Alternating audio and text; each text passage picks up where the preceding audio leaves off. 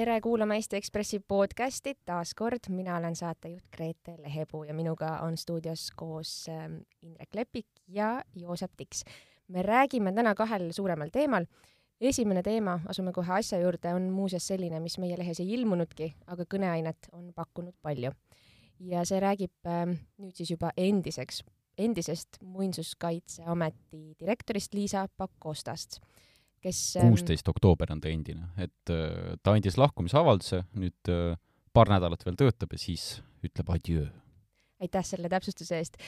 Joosep, võib-olla kuna sa seda lugu koos Kärt Anveltiga Päevalehte kirjutasid, siis äh, ole hea, vii meid korraks kurssi, milles see teema üldse oli? palju raha kulus selle jaoks, et äh, Liisa Pakosta saaks riigi raha eest siis reisida, käia lähetustel nii riigis sees kui ka riigist väljas. et seal oli palju küsimusi, mis tekkis nende rahasummadega, et kui tegin selle tabeli ka, lõin riigitöötajate äh, üks selline register on, kus saab kõiki neid igasuguseid lähetusaruandeid, majanduskulusid, on ju, sõidukulusid välja võtta ja lükkasin nad tabelisse. ja samal ajal oli meil ka informatsioon, et Kultuuriministeerium hakkas ka vaatama seda asja. Kuidagi, ütleme, läheb inimene kuhugi Tartusse, nädalavahetuseks jääb sinna, kirjutab lähetusse, ööbib kuskil kallis hotellis ja niimoodi, ütleme, mitte ainult ju Muinsuskaitseametis, vaid ka siis, kui ta volinik oli, on ju, et võttis kolleegi kaasa ja läks paariks päevaks spaasse. või siis ma, üks aasta oli selline lugu, kus kirjutas kuluaruande, oli esmaspäevast reedeni Tartus ja järgmine kuluaruanne oli samal nädalal reedest pühapäevani Tartus. mõlemad olid äh, sõidukulu klapitatud, sada kakskümmend eurot edasi-tagasi Tartusse ja kõik, kõik terve nädal äh, möödus siis hotellis. ja samamoodi ka välismaal on ju, et äh, on ametnikul võimalik valida kas soodsam variant, aga valib kallima variandi. näiteks eile oli Pakosta oli Ringvaates ja talt küsiti selle Tai hotelli kohta, Sheraton, kus ta ööbis. ja Pakosta ütles, et ta tahtis ööbida selles kohas, kus see konverents parasjagu toimus no mis iseenesest kõlab ju mõistlikuna, on ju, konverents toimub seal ja õpin ka seal ja ta ütles, et noh, tuli ka teisi pakkumisi, aga need olid enam-vähem samas hinnaklassis. mis ei vasta tõele. Äh, mis oli tegelikult samamoodi, kui te vaatate ka kahe tuhande üheksateistkümnenda aasta input, mis oli siis selle äh, ürituse nimi, siis äh, majutuspakkumiste selline nimekiri oli välja pandud. näiteks kohe järgmine sellest Sheratonist oli viie minuti jalutuskäigu kaugusel ja oli rohkem kui kaks korda odavam, et kui Pakosta maksis üle saja euro või dollari oma hotellitoa eest päevas, siis see teine hotell oli nelikümmend. ehk siis see vahe on kindlasti tuntav ja ka kõik need teised variandid, mis seal pakuti, olid kindlasti soodsamad. näiteks seesama Alessandro Nani, kes tegelikult käiski esitamas seda telesaadet, mida eestlased tegid, tema tegi nagu kogu selle töö ära selle esitamise juures.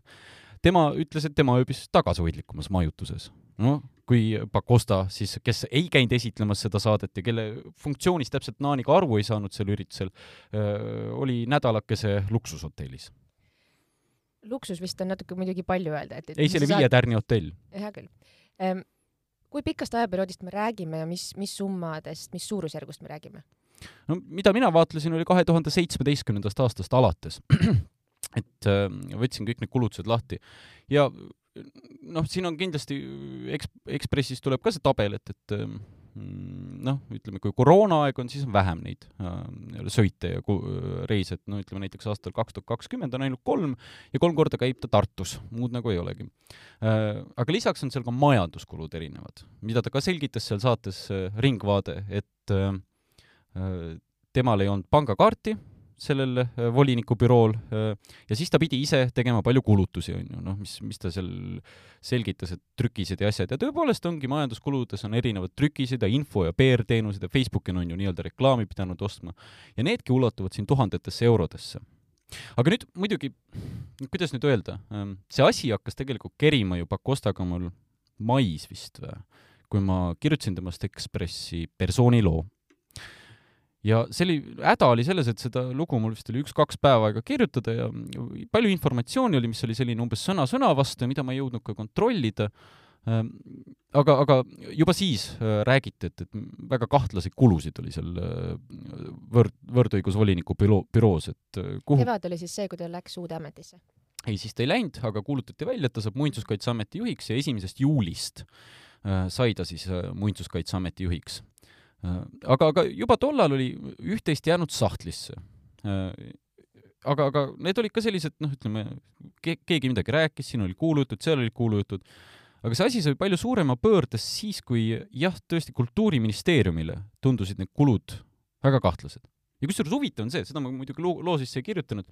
et äh, kaebusi Pakosta kohta tehti juba siis, kui ta oli volinik Need olid kaebused finantsialased? finantsid ja suhted, ehk siis töökeskkond, kuidas see on, ehk siis noh, ütleme, oli mingi projekt, kõik inimesed, kes selle projektiga seotud oli, kollektiivselt lahkusid, sest neil lihtsalt sai asi kõri, asjas kõrini, onju. ja, ja tehti neid kaebusi Pakosta kohta ka toona, need jõudsid Sotsiaalministeeriumisse, need jõudsid õiguskantslerini ja kedagi ei kottinud. küll suva kuidagi no ja kui sa nüüd lükkad need äh, kulutused lahti kas või tabelisse ja vaatad, et noh, ma ei tea, kuidas on võimalik, et äh, nädal aega keegi õpib kuskil Tartus volinikuna või, või äh, käib kuskil Pärnus kahetunnisel, kahte, kahetunnist koolitust tegema hommikul kell kümme ja selle jaoks peab eelmine öö olema Viiking spaas Pärnus, et kuida-, kuidas need asjad nagu küsimusi ei tekita? et okei okay,, ma, ma olen nõus, mul ei ole nüüd noh, ütleme sellist võib-olla krist... sul ei ole Rakveres võimalik ööbida või, või Pärnus ööbida ilma spaata hotellis, variant on ju. jah no,, paljud inimesed teevad nii, et kui neil on mingi kahetunnine koolitus vaja Pärnus teha, siis nad sõidavad hommikul Tallinnast Pärnusse ja siis tagasi, on ju. noh, juhtub niimoodi. või hästi imelik on ka näiteks Vilniuses käik, et mul ei mahu pähe, et miks kogu aeg, iga aasta, kui Pakosta käib Vilniuses, läheb ta sinna autoga. mingil kiirel konverentsil autoga. miks ta seda ise põhjendab? Mm, ma ei tea. okei. mulle tundub, et ähm, nagu sa siin kirjeldasid, et see on, eks ole, pikema ajaperioodi peale ja vahepeal Eesti ühiskonnas ja eriti Kultuuriministeeriumis on see tundlikkuse tase tõusnud Mailis Repsi asjade pärast. et kui, kui muidu võib-olla pigistati silm kinni või võeti selline mm, inimlikum positsioon, et noh, hea küll, las need lapsed vahepeal sõidavad või las need siis, need kulud võib-olla olla, nüüd lihtsalt on see tundlikkus on väga kõrgel tasemel ehm, see lugu, kui ta ilmus, esialgu keskendus ainult nendele finantsidele, siis te avaldasite hiljem ka sellised tema juhi stiili või ütleme, etteheidetest ähm, hunnik etteheideid, mis talle olid tehtud juhina ka. aga selle finantside loo peale, kui ma õigesti mäletan, Vikerraadio hommikuprogrammis öeldi, et see on näidispoomine. kas ähm, ma arvan, et kui see oleks liialt, näidispoomine, ma ei oleks seda lugu teinud. või, või kui, kui seal ei oleks kahtlasi kulusid see, olnud. kust, kust see lävend jookseb, et selgita võib-olla natuke noh, tihtilugu on nii, et ajakirjanik teeb lugu mm, allikate pinnalt äh,, kelle sõnu ta ei saa avaldada. kes ütlevad sulle midagi, ajakirjanik hakkab seda kontrollima, et kuidas siis on nende numbritega ähm,. ehk siis loos on kindlasti palju väiteid, mida ma ei saa tsiteerida, sest need allikad ei taha, et neid paljastataks, aga äh, kui need summad lükata kõik ilusasti tabelisse siis on väga palju ebakõlasid. nüüd okei okay,, keegi võib öelda, et see on näidispoomine, et ma seda ise tegin ja nii edasi mm,. seal taustal on ka muidugi see, et sedasama protsessi vaatas läbi ka ju Kultuuriministeerium, kellel oli parem ligipääs nendele arvetele, andmetele ja öö, kuluaruannetele. et kui see on näidispoomine, siis kahe, ütleme, ajakirjanike ja ministeeriumi paralleelne töö jõudis enam-vähem sama tulemuseni. Mik-, miks me oleks üldse pidanud hakkama Pakostat nii-öelda näidispooma või, või mis, mis oleks see motivatsioon, sest ma ütlen ausalt, mind tegelikult ei huvita, mida Pakosta teeb igapäevaelus, ma ei lähe selle mõttega magama või, või et hmm, saaks nüüd hakata, on ju, ma ei tea, silmust ajama. et see lihtsalt oli lugu, kus ma nägin, et midagi oli valesti. Indrek, miks me selle teema üle kas nii leili läheme või miks see, miks see oluline on korraks veel Joosep, et kes, kas Pakosta rikkus seadust, seda vist siin ei minu ole, teada mitte. nii, seda enam, eks ole, siin on nüüd see, nüüd on see hall ala, milles me hakkame siis arutlema, mis on moraalselt õige ja mis mitte. Ehm, noh, tuhat eurot ministeeriumi või mingi ametkonna vaates ei ole väga suur kulu. ometi Pakosta tundis, et see surve on nii palju tõusnud nüüd, ehm, et ta astub, astub tagasi kust, kust need piirid äh, lähevad või mida me peaksime aktsepteerima, selles mõttes, et inimene peab ju käima ja kohtuma, ta peab esindama oma ametit, ta peab kohtuma oma, kui ta läheb uude ametisse, oma töötajatega mujal, paratamatult ta peab sõitma. Ähm, ma olen absoluutselt seda meelt, et äh, kui sa, kui su kohtumised on juba kaheksa tundi, siis ongi võib-olla ebainimlik nõuda, et sa sõidaksid veel sinna neli tundi autoga otse edasi-tagasi Tallinnasse, et et ku, kuidas seda kõrvaltvaatajana, mismoodi sa seda sünteesinud oled? Eks me peaasjalikult ju ootame, et riigi rahakotiga käiakse mõistlikult ümber. et eks see on lõppkokkuvõttes selle kõige alus ja riigi rahakotiga mõistlikult ümberkäimise definitsioon lähtub ikkagi sellest, millised on kirjutatud ja kirjutamata kokkulepped äh, sellest, kuidas neid asju tehakse. ja mis sellest loost välja tuleb, ongi see, et ähm, tõsi, tihtipeale võibki öelda, et, et inimlikult need ööbimised ja asjad ongi, ongi mõistlikud aga siin on ka väga palju asju, mis ei ole mõistlikud. Eh, kui me räägime sellest, et eh, missugused on eh, valitud hotellid, mis on enamjaolt ikkagi kõigis maakonnakeskustes kõige kallimate killast. no aga miks ma pean ööbima hostelis, kui ma saan ööbida no okei okay,, poputanud üks kohas. kord, aga kuus aastat järjest käia luksushotellides võib-olla tekitab küsimusi. ma arvan, et see on see, see küsimus, et teised Kultuuriministeeriumi töötajad Äh, kindlasti ei saa seda endale lubada, et ma arvan, et avaliku rahaga ümber käies meil ei ole nagu aastal kaks tuhat kakskümmend kaks sellist kokkulepet, et ülemustel on lubatud midagi rohkemat kui nii-öelda reatöötajatele, eriti olukorras, kus eh, Pakosta ei käi seal omaniku rahast või aktsionäride rahast, vaid ta käib riigi rahakotist. üks küsimus on muidugi ka pereliikmete kaasavõtmine mm Pakostaga on tunnistanud, noh, siia-sinna võtsin lapse kaasa ja nii edasi. laps ööbib ju tasuta hotellis. jah, lapse võib tasuta võtta. no üks skeem, mida me kuulsime, no ma ei saa seda kuidagi ka ju tõestada, äh, aga mida, mis me, mis meile Kärdiga räägiti, oli selline, et vaja kaasa võtta pereliikmed mm,. mida teha? reisibürooga tuleb kokku leppida, et äh, kirjutame niisuguse summa. ütleme, et reisin mina ja mu töökaaslane ja see töökaaslane ja kolmas töökaaslane ja tegelikult on seal pereliikmed ka nimekirjas, aga hajutame selle summa ära kolleegide vahel. ehk siis omaosalus pereliikmetel on tunduvalt väiksem, kui tegelikult see reisikulu oleks siis lennukile või hotellile, aga arvele saab kirjutatud ikkagi niisugune koondsumma. ja see ei paista välja. ma, ma, ma ei tea, kas see niimoodi oli või mitte. ma ei, ma ei, noh, mulle öeldi voliniku büroost ja reisibüroost ja Pakosta poolt, et nii ei olnud ähm, aga, aga niisugused asjad kindlasti on võimalikud, et ma olen isegi sattunud äh, kuulma sellist juhtumit, kuidas äh, inimestel ei olnud äh, oma äh, organisatsiooniga võimalik alkoholi kuluaruannetesse kirjutada, nii et kohvikuga tehti selline väike diil koha peal, et kirjutage meile arvele juustuvaagnad, aga me joome sa-, sama raha eest õlut. on ju, et noh, küsimus on, kui vastu on ettevõtja nõus tulema. ma arvan, et siin on küsimus, nii nagu Mailis Repsi juhtumi puhul, jätame need kohvimasinad kõrvale, on lihtsalt selles, et eksitakse reeglite vastu, aga kellelgi pole nagu selgroogu tulla ütlema, et need reeglid on valed ja teeme ümber, et noh, see on laias laastus mitte, et seda teemat liiga laiaks ajada, aga noh, natuke sama nagu nende Riigikogu liikme assistentidega, et kõik saavad aru, et neid on tarvis, aga mitte keegi ei julge olla see ebapopulaarne otsustaja, et, et mina nüüd tulen ja ütlen, et meil on neid päriselt tarvis, et, et see on tegelikult omaette küsimus, eriti naistest tippjuhtide puhul, et kas nende elu üleüldse võimaldab, noh, ma mõtlen just emade puhul, kellel on, eks ole, Äh, lapsed, keda noh, kes on tõesti lapsed, eks ole, lapseeas ja keda nad peavad üleval pidama, et, et kas neil naistel on üleüldse võimalik oma ametit pidada olukorras, kus äh, ütleme, meestest tippjuhid tihti saavad neid asju teha sellepärast, et nad jätavad oma lapsed, eks ole, oma abikaasa juurde või, või noh, ütleme oma, oma laps, laste ema juurde. et et, et see on nagu omaette teema, aga senikaua, kuni neid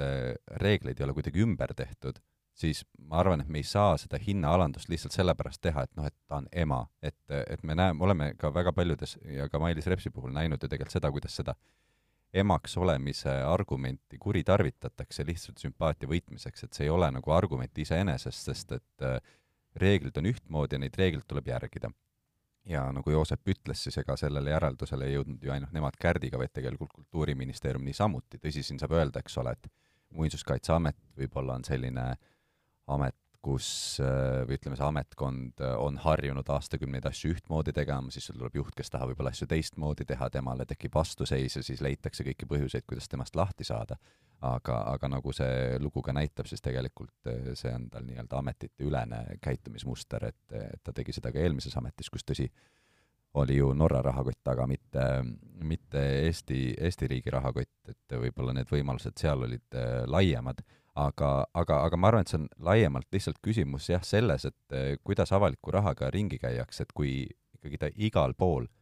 on ikkagi valdavalt, valib endale kõige kallimad variandid, siis, eh, siis lihtsalt noh, tekibki küsimus, et, et kui sul on eriti näiteks Muinsuskaitseameti puhul, eks ole, me teame, et Eestis on tegelikult muinsuskaitsega väga kehv olukord, seal ei ole piisavalt, noh, tegelikult me, kui me räägime oma sellest nii-öelda ruumilisest mälust kõikidest nendest hoonetest ja, ja, ja võib-olla ka maastikust, mida tuleks hoida, kuidas see tegelikult kõik äh, laguneb ja degradeerub, et siis see on noh, groteskne, kui samal ajal selle ameti juht äh, noh, käib nagu vä-, väga vabalt selle rahakotiga ringi, et ma ar-, arvan, et siin ongi lihtsalt selline äh, kahe asja eraldamine, et inimene ei pea tingimata seaduste vastu eksima sellepär-, noh, see, selleks, et me saaksime öelda, et tema käitumine ei olnud õige et, et, et ma arvan, et äh, suures pildis see taandubki sellele, äh, mida Pakosta väga õigesti tegi, on see, et ta astus kiiresti tagasi, äh, Mailis Reps ju selle vea tegi, et ta tegelikult ei tunnistanud väga pikka aega seda, mida ta tegi, ja, ja seetõttu siis ta ka püüab nüüd seda survet maha saada, sest et ka see teade, kust tuli, eks ole, et ta astub tagasi, ta ju tegelikult viitas pigem nii-öelda lahkhelidele Kultuuriministeeriumiga kui nendele konkreetsetele kuluaruannetele et, et, et selles mõttes nagu ta on kindlasti targemini käitunud kui Reps, aga, aga sellegipoolest ma arvan, et see lugu üsna ammelda, ammendavalt tegelikult eh, meile näitab, et see on ikkagi käitumismuster, mitte lihtsalt nii-öelda eh, mingid nopitud asjad, eks ole, mingist viieaastasest perioodist. kui selle teema lõpetuseks veel anda ühiskonnale, meie kuulajatele mingisugune asi, mida arutada, võib-olla ka meie enda töölaual asi, mida arutada, siis on see asi, mida Pakosta ise ka esimeses loos ütles, et küllap on ta pisut vähe teinud oma eelmises ametis nii-öelda kampaaniat või, või sellist teavitustööd, et mis on see kaasaegne töökeskkond ja et ku, kuidas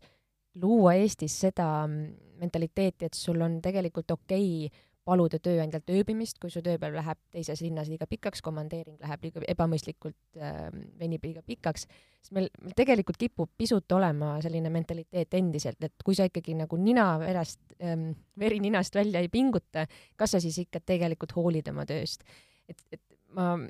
ma selle poolt ja olen küll väga, just, et ma selle poolt olen küll väga, et, et seda kaheksa tunni piiri võiks jälgida, aga me peaksime siis tõesti arutama ja äh, arutama ka, et kuidas me oleme rahvana nõus tasustama siis neid ületunnitöid või, või seda ööbima jäämist või mis iganes jah, sest et see ebaõiglus tuleb just sisse sellest, et Pakostal on võimalik neid äh, reegleid väänata aga Muinsuskaitseameti nii-öelda reatöötajal ei ole võimalik neid reegleid väänata. et kui neid reegleid juba väänata tuleb, siis ka asutuse juhina tema peaks aru andma, et järelikult on vaja neid reegleid muuta ja siis see peaks kehtima kõigile, et muidu ongi lihtsalt see, et sa saavutad, eks ole, mingi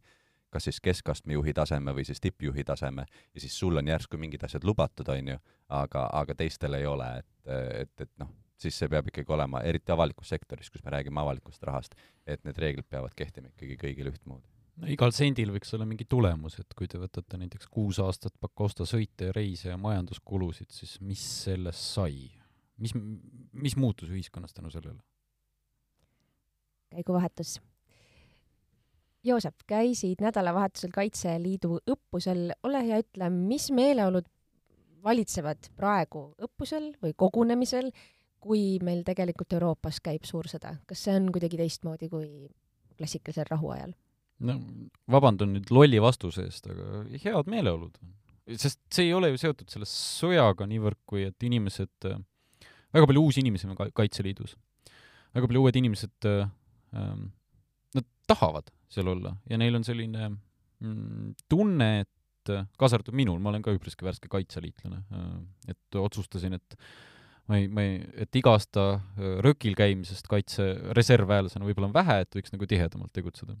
Ehm, aga, aga inimesed tahavad õppida olla paremad, tahavad õppida äh, valmis olema selleks olukorraks, kui kõik lendab ventikasse. ja, ja selles mõttes on ju väga äge olla seal metsa all, neli päeva olime, ja, ja näha, kuidas inimesed päriselt harjuvad selle keskkonnaga, on ju, õpivad uusi oskusi, õpivad selle rutiini endale selgeks ja, ja tulevad tagasi, selline mõnus nagu rammestus on, et sa tead, et sa oled noh, midagi päris ägedat ära teinud äh,, kuidagi nagu iseenda ootusi kuidagi tõstnud endale või, või ületanud seda, et sa, et noh, ma ei tea, palju ikka inimesed ette kujutavad, et ma olen nüüd neli päeva haisen ja magan külmas öö, õues ja on ju lihtsalt magamiskotis, et kui sa selle ära teed, tundub nagu päris äge ju, et olen saanud millegagi hakkama. sul oli päris ainulaadne kogemus veel midagi ägedat teha, sa said intervjueerida Kaitseliidu juhti ei no ma olen teda ju varem ka intervjueerinud. no nüüd te olite natuke teises olukorras, onju. aga nüüd oli selles mõttes ja olukord oli natuke naljakas, et kui ma läksin ajakirjanikuna seitse kuud tagasi tema juurde peastaapi, siis seekord äh, juhtus niimoodi, et äh, Kaitseliidu ülem tuli siis äh, minu juurde keset metsa. olime seal juhtimispunkti juures oma kompaniiga ja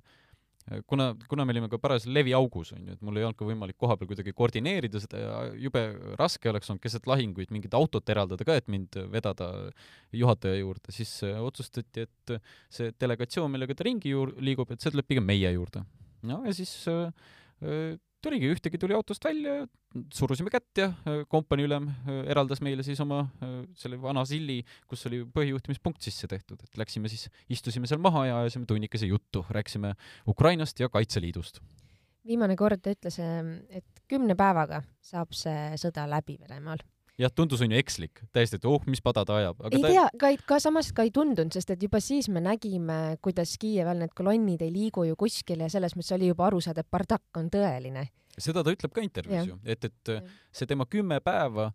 et ähm, ta selles mõttes ju ei eksinud, et sõda olekski pidanud siis läbi saama. sealt edasi ei olnud enam mingisugust äh, selle konkreetse operatsiooniga, mis seal Kiievil oli, mingit pointi seda enam edasi jätkata. Venemaa oli kaotanud selle operatsiooni äh, ja sisuliselt alustati Donbassiga täiesti uut operatsiooni. Äh, muudeti plaanid ära ja tehti see ümber, sest see variant teha nii-öelda välksõda, leida see viies kolonn ja poliitiline jõuk, kes ümber pööraks ja mm, nagu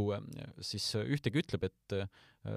üks osa sellest operatsioonist oleks pidanud olema, kas president sureb või põgeneb ja seda ei juhtunud, on ju. et, et äh, väed löödi puruks, kõik see sisemine õnnestustööplaan kukkus läbi ja see sõda olekski pidanud kümne päevaga lõppema. mis on tema uus ennustus? suveks. see, ta muidugi lähtub sellest ennustusest Ukraina luurejuhi ähm, enda sellest äh, luurejuhi sõnadest, et ähm, suvel siis kas see sõda on lõppenud või liigub see operatsioon või sõda äh, täiesti uude faasi. ja ma ütlen ka, et miks ühtegi ütleb, et ta noh, kuidagi tunnetab seda maastikku või teab ennustada seda, on see, et on kahe tuhande neljateistkümnendast aastast äh, seotud äh, Ukraina kaitseväe ülesehitamisega. mis siis tähendab seda, et ta on üpriski hästi kursis, kuidas need plaanid ja hoovad ja tegevused seal liiguvad lootus tegelikult on, ütleme viimastel päevadel kipub jälle olema see, et õhtuti magama minna on raske, sellepärast et just öötundidel hakkavad tulema jälle need uudised, väiksed infokillukesed Twitterisse, Telegrami, kuhu iganes, kus öeldakse, et me ei saa veel öelda, mis küla täpselt sealt Hersonist nüüd vabastati, aga edu taga, edu on päris suur ja ja, ja vist võime oodata nüüd nädala jooksul jälle ikkagi päris, päris jõudsat edasiminekut ukrainlaste poolt sõltub, kui kiiresti need kolmsada tuhat meest rindele saavad Venemaalt või kui kiiresti nad üldse nad kokku saavad, et ühtegi arvab, ju nad nad kokku saavad, aga seda kahuriliha, ega see nüüd noh, kuidagi alahinnata ka ei tasu, et, et -hmm. äh, isegi kui nad on seal kehvasti relvastatud, varustatud ja demoraliseeritud, siis nad on mass ja ukrainlased peavad seal terve talve, kevade ja kuniks suveni on ju läbi raiuma sellest massist aga noh, Joosep ütleb väga õigesti, et nad peavad kõigepealt sinna kohale jõudma, sellepärast et äh, päris palju liigub äh, Telegramis, Twitteris videosid selle kohta, kus tüübid on saadetud sõna otseses mõttes kuskile suvalisele väljale, neil ei ole mitte midagi antud ja siis nad peavadki seal lõket tegema selleks, et lihtsalt üldse sooja saada, kellelgi on võib-olla kuskil toitu, keegi suudab paar viinapudelit kuskilt hankida, äh, juuakse selleks, et soe oleks, kuigi noh, me tegelikult teame, et alkohol pigem viib seda soojust veel kehast välja, aga vähemasti tunne on soe ja, ja neile samadele meestele tuleb siis anda ka varustust, mis tihtipeale roostettab või, või tuleb osta ja nüüd on uus toode on Venemaal, pakutakse kiirlaenu selleks, et sa saaksid selle varustuse endale kokku osta, tõsi, see varustus on vahepeal läinud äh, circa, mis oli, tuhat üheksasada protsenti kallimaks. et äh, noh, see on põhimõtteliselt, eks ole, kahekümnekordne hinnalisa, et äh, see on päris äh, karm, aga jah, selles mõttes on õigus, et äh, kolmsada tuhat meest on ikkagi kolmsada tuhat meest ja isegi kui nad saavad väljaõppe, mis kestab ainult, ma ei tea, nädala, siis lõppkokkuvõttes, kui neil on ka kõigil mingid roostetanud Kalašnikovid käes, siis mingi inimmass nad on ja eks ukrainlased tegelikult tunnevadki muret selle, selle suhtes, et äh, ütleme, Venemaa strateegilised eesmärgid ei ole muutunud ja, ja tegelikult nüüd uuesti peljatakse seda, et võib-olla avatakse uuesti Valgevenest rinne, mis tähendaks uuesti Tšernihivi ja Kiievi peale tulemist. Et et, et, see lihtsalt veab selle rindejoone ukrainlaste jaoks lihtsalt nii pikaks, et, et, et, et seetõttu nagu kannatavad äh, muud tegevused siis lõunas või idas. kohatu vahemärkusena ütlen, et ähm, Lukašenka kuulutas küll välja mobilisatsiooni, kuid kartulivõtuks ja eks Lukašenko ongi püüdnud eh, vältida oma meeste ja ütleme, valgevenelaste osalemist selles sõjas, sest et ega tema enda nagu poliitiline tulevik ei ole kaugeltki selge ja Valgevene ühiskond ei ole tegelikult valmis venelaste nimel sinna sõtta minema. et eh, enne veel, kui siin ütleme, lumi maha tuleb, eh, on oodata kindlasti seda, et mõlemad pooled püüavad kiiresti midagi teha, praegu me näeme, et ukrainlastel on selge initsiatiiv ja eelis nad püüavad võtta nii palju kui võimalik, sest et eh, eks mingil hetkel tuleb, eh, tuleb piir ette ja kuskil hakkavad mingid eh, nii-öelda sisse kaevatud, ütleme, need kaevikud hakkavad mingit teatavat nagu sellist püsivamat piiri markeerima. aga noh, teistpidi jällegi, eks me peame tunnistama, et siin on väga palju määramatust ja väga palju ka seda, mida me ei tea, et ukrainlaste selline äh, võimekus ikkagi oma plaane avalikkuse ees saladuses hoida on olnud äh, päris hea. märkimisväärne, jah. ja, ja, ja see tähendabki tegelikult seda, et noh, ütleme, seesama Hersoni näide, et ega tegelikult ukrainlastel ei ole plaanis äh, seal Hersonis mingit linnalahingut pidada. Nende plaan on ikkagi põhimõtteliselt Hersoon, Hersoon nii-öelda sisse piirata, me teame, et Hersoni tagant juba, kuna Herson jääb, eks ole, Dneprist, Dnepri läänekaldale et eh, on sillad õhku lastud, mis tähendab tegelikult seda, et noh, mingil hetkel lihtsalt eh, need väed Helsonis on kotis ja põhimõtteliselt eh, tahetakse sundida neid lihtsalt taganema. et, et selles mõttes see on see perspektiiv, mis, mis meid ees ootab. väikese ja kiire lõpupöörde ma teen sisse. minu meelest ühtegi see kümne päeva ennustus see, mida ta ütleb, et aga kümne päevaga olekski pidanud lõppema, sest et mõistlik oleks olnud lõpetada, kukub täpselt sellesse teemasse, millest kirjutab Eero Epner täna pika loo. ta on suhelnud Baltikumi luurejuhtidega ja põhimõtteliselt see lugu käibki selle ümber, mida me tegelikult ise teame, et, et baltlased tunnevad väga hästi venelasi. Nad tunnevad ähm, ja, ja teavad seda, et see ei ole mitte Putini sõda, vaid see on mingisuguse rahvusliku imperialismi ja niisuguse kolonialismi mm, toetusel tekkinud poliitika. Äh, ja ka see, millesse on kukkunud paljud äh, lääne eksperdid, poliitikud, et äh, me, me ikka jääme kinni nendesse lääne mõttemallidesse või sellesse ratsionaalsusesse, millega lääs opereerib. täpselt see, et kui sul ei ole mõistlik, siis sa ei saada sada viitekümmet tuhandet inimest hakkleja masinasse. Venemaal need mängureeglid ei kehti ja sellest Epner kirjutabki, et ähm, pisut rohkem inimesi saab sellest nüüd aru kui see sõda on alanud, aga võib-olla mitte ikkagi veel piisavalt. eks meil ongi nagu väga, väga raske tegelikult kogu selle sõja jooksul on olnud äh, tunnistada mingeid teatud paratamatusi, milleks ongi see,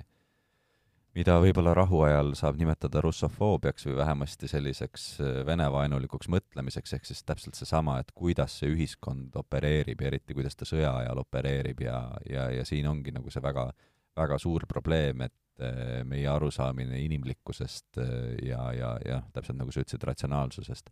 paraku ei kehti sel lihtsal põhjusel, et enamik inimesi ei tunne lihtsalt, et nende võimuses on omaenda nii-öelda saatust juhtida, kui, kui niimoodi ennast väljendada, et, et tegelikult väga paljud ongi noh, valmis leppima selle paratamatusega ja minema lõpuni lihtsalt. valmis kannatama. ma arvan, et see küsimus muutub oluliseks, küsimus nimelt siis sellest, et et äh, missugune on iga venemaalase vastutus selle sõja ees. muutub olulis-, oluliseks siis, kui see sõda läbi saab üks hetk mm,. sest küsimus ei ole ainult ju karistuses, on ju, et mis karistust anda Venemaale või mis vastutust peaks kandma iga venelane. küsimus on ju selles, kuidas Venemaa edasi hakkab käituma. ütleme, et isegi Putin kaob ära, noh, ühtegigi ütleb, et äh, Venemaa jääb endiselt, Venemaa jääb alati Eestile julgeolekuohuks ja selline kuju, nagu tal on, tähendab seda, et võib-olla sinna tuleb keegi Navalnõi või, või mõni selline nii-öelda äh, tubli selline lääne moodi mõtlev juht kunagi riigile. väga, väga tinglikult muidugi, lääne moodi. nojah, okei okay., aga temast võib saada järgmine Putin. Putin tuli ka ju alguses võimule ja tegelikult mõjus nagu värske õhk no luurajate jaoks seal Epneri loos nad ütlevad, et see oli kuskil paar kuud, et, et lootus oli, et vähemalt aasta ehk Venemaa jõuab ennast äh, demokraatia kursile seada, aga tegelikult paari kuuga juba hakati jälle šantažeerima ja, ja Eesti vastu kasutati siis naftat ära selleks mm. -hmm aga no muidugi Putiniga alguses oli see, et lääs vägagi üritas, tegelikult veel hiljaaegu üritas neid restardinuppe saata sinna ja nii edasi. arust veel hiljuti paar kuud tagasi et ähm, okei okay,, et ütleme, et sõda saab läbi, mis saab Venemaast, jällegi see küsimus on ju, kas ta killustub, kas ta jätkab samamoodi ja, ja üht või teistpidi, eks see oht jääb Eestile ikka ja selleks ongi on ju isegi siis, kui sõda Ukrainas lõpeb, vaja, ma ei tea, enam-vähem kõigil, kes jaksavad või suudavad ennast äh, kuidagigi, kas mentaalselt või Kaitseliiduga liitudes või äh, vabatahtlike päästjatega liitudes, mida iganes, on ju, et, et äh, anda, olla ka valmis selleks, et mis siis juhtub, mis siis saab, kui kõige hullem juhtuma peaks. jah, verivärske Kaitseliidu liikmena ma olengi nagu tajunud kõige rohkem seda, et ega, ega lõppkokkuvõttes ega eesmärk ei olegi ju see, et kõik meist nii-öelda relva alla läheksid vaid lihtsalt, et meil tekiks arusaamine sellest, et meist kõigist sõltub noh, ühiskonna valmisolek, see on see nii-öelda laiapindne riigikaitse. et äh, meil on praegu see luksus, et me saame valmistada ennast ette. et nii, nagu see noh, lihtsustatult, nagu see Eesti kaitseplaneerimine praegugi lühiperspektiivis käib, on see, et et mida meil on vaja selleks, kui sõda algaks, eks ole, kahekümne neljandal veebruaril kaks tuhat kakskümmend neli. et, et ma arvan, et see on ka mõnes mõttes väga paljudele meile võib-olla selliseks orientiiriks, et mitte, et sõda tuleb, aga et kuidas olla selles olukorras, et sa ei pea hakkama nullist asju õppima siis, kui see sõda juhtub. kuidas, kuidas olla valmis praegu. et ei oleks nii, et kui pauk käib, siis me oleme nagu peata kanad. ja võib-olla meie jutt käändus isegi optimistliku tooni peale lõpuks, ma tsiteeriks siis võib-olla ka jällegi ühtegit, kes ütleb, et tegelikult me oleme päris head sõjapidajad, eestlased oma iseloomu poolest on kuidagi sellised hea sitkuse ja vaimse vastupidavusega ja laiendame siis seda üldisele riigikaitsele, mitte ainult, nendele, kes püssi käes hoiavad. samamoodi nagu Epneri loos äh, venelased kirjeldasid seda Eesti spiooni, et, et mis on nagu meie eelis, et hoiavad külma, ei murdu, ei murdu, hoiavad külma närvi ja rahu, on ju, et, et emotsioonid ei kee üle. aitüma, äh, Indrek ja Joosep, äh, aitüma kuulajatele ja järgmise korrani